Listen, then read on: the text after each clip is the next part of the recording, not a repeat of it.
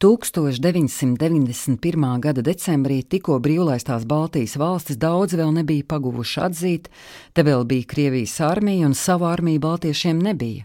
Bet NATO jau steidz dibināt īpašu sadarbības padomu ar jaunajiem partneriem, tostarp Latviju. Pēc otrā pasaules kara ASV, Kanāda un Eiropas valstis dibināja NATO kā pretspēku PSRS, Juku laikos, kad PSRS bruka, rietumiem bija iespēja savu ietekmes zonu paplašināt. Atšķirībā no Eiropas Savienības, kur mūsu aiz matiem neviens iekšā nerāva, NATO Baltijas reģions bija strateģiski svarīgs. Tomēr atlaides mums netika dotas, un iestāšanās process izvērtās garāks. Galvenās cīņas bija jāizcīna ar Krieviju un ar mums pašiem. Krievija kategoriski negribēja pielaist rietumu stobrus pie savas robežas. Mēs gan tos gaidījām atplastām rokām, tikai negribējām atvērt savu maku. Vēl 90. gadu beigās armijas budžets bija smieklīgi mazs, naudas trūka apkurei, par ieročiem nerunājot. Obligātā dienesta karavīri neizglītoti un vāji, armijas prestižs nožēlojams. Bija risks, ka Igaunija un Lietuva NATO uzņems, bet Latviju ne rietumi burkšķēja. Šodien mēs tā laika burkšķētājiem varam būt paraugs pat skabārga acī.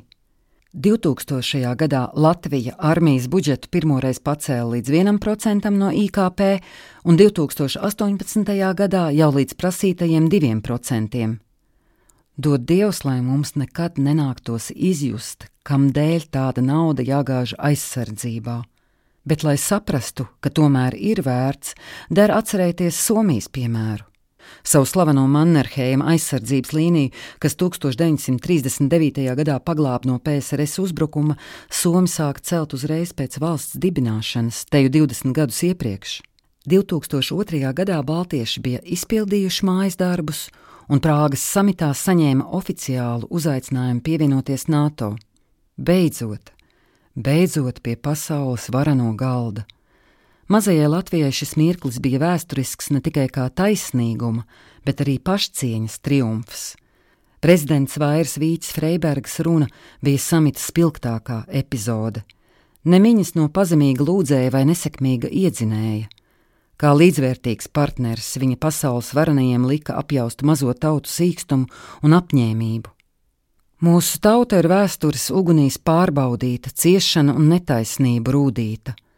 Tā saprot, ko nozīmē būt brīvam un to zaudēt, ko nozīmē būt drošībā un to zaudēt. Mēs augstam pēc tiem pašiem ideāliem, pēc kā augstat jūs. Mēs vēlamies baudīt tās pašas brīvības un tiesības, ko jūs esat baudījuši jau tik sen un ko mēs tik nesen esam atguvuši. Vairvīķa Freiberga zaudēja dzimteni, kad bija mazs bērns. Ap to laiku, kad dibināja NATO, viņa bēgļu nometnē zaudēja arī mazo māsiņu. Sandra Kalniete bija dzimusi Sibīrijā un dzimteni pirmoreiz ieraudzīja četru gadu vecumā. Viņas vecākus deportēja 1949. tajā pašā gadā, kad dibināja NATO.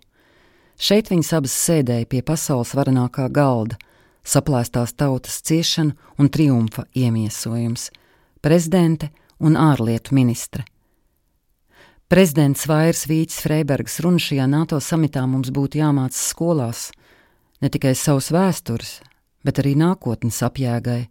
Viņa sacīja: Mēs vēlamies celt savu nākotni uz politiskās noteiktības klints, ne uz neizlēmības plūstošajām smiltīm. Mēs negribam palikt politiskās nedrošības pelēkajā zonā.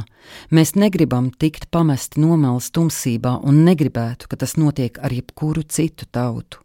Mēs svinīgi solām, ka pūlēsimies darīt visu, kas mūsu spēkos, lai ne tikai dotu savu ieguldījumu alianses stiprināšanā, bet arī veidotu pasauli, kurā taisnība un brīvība ir pieejama visiem. Mazas zaudētāja kompleksa māktas un par rītdienu krenķīgas tautas līdera runa beidz ar vārdu visiem. Pasaules līderis cienīgs tonis. Mums beidzot jāsaprot, mēs esam starp pasaules līderiem, starp bagātākajiem un stiprākajiem.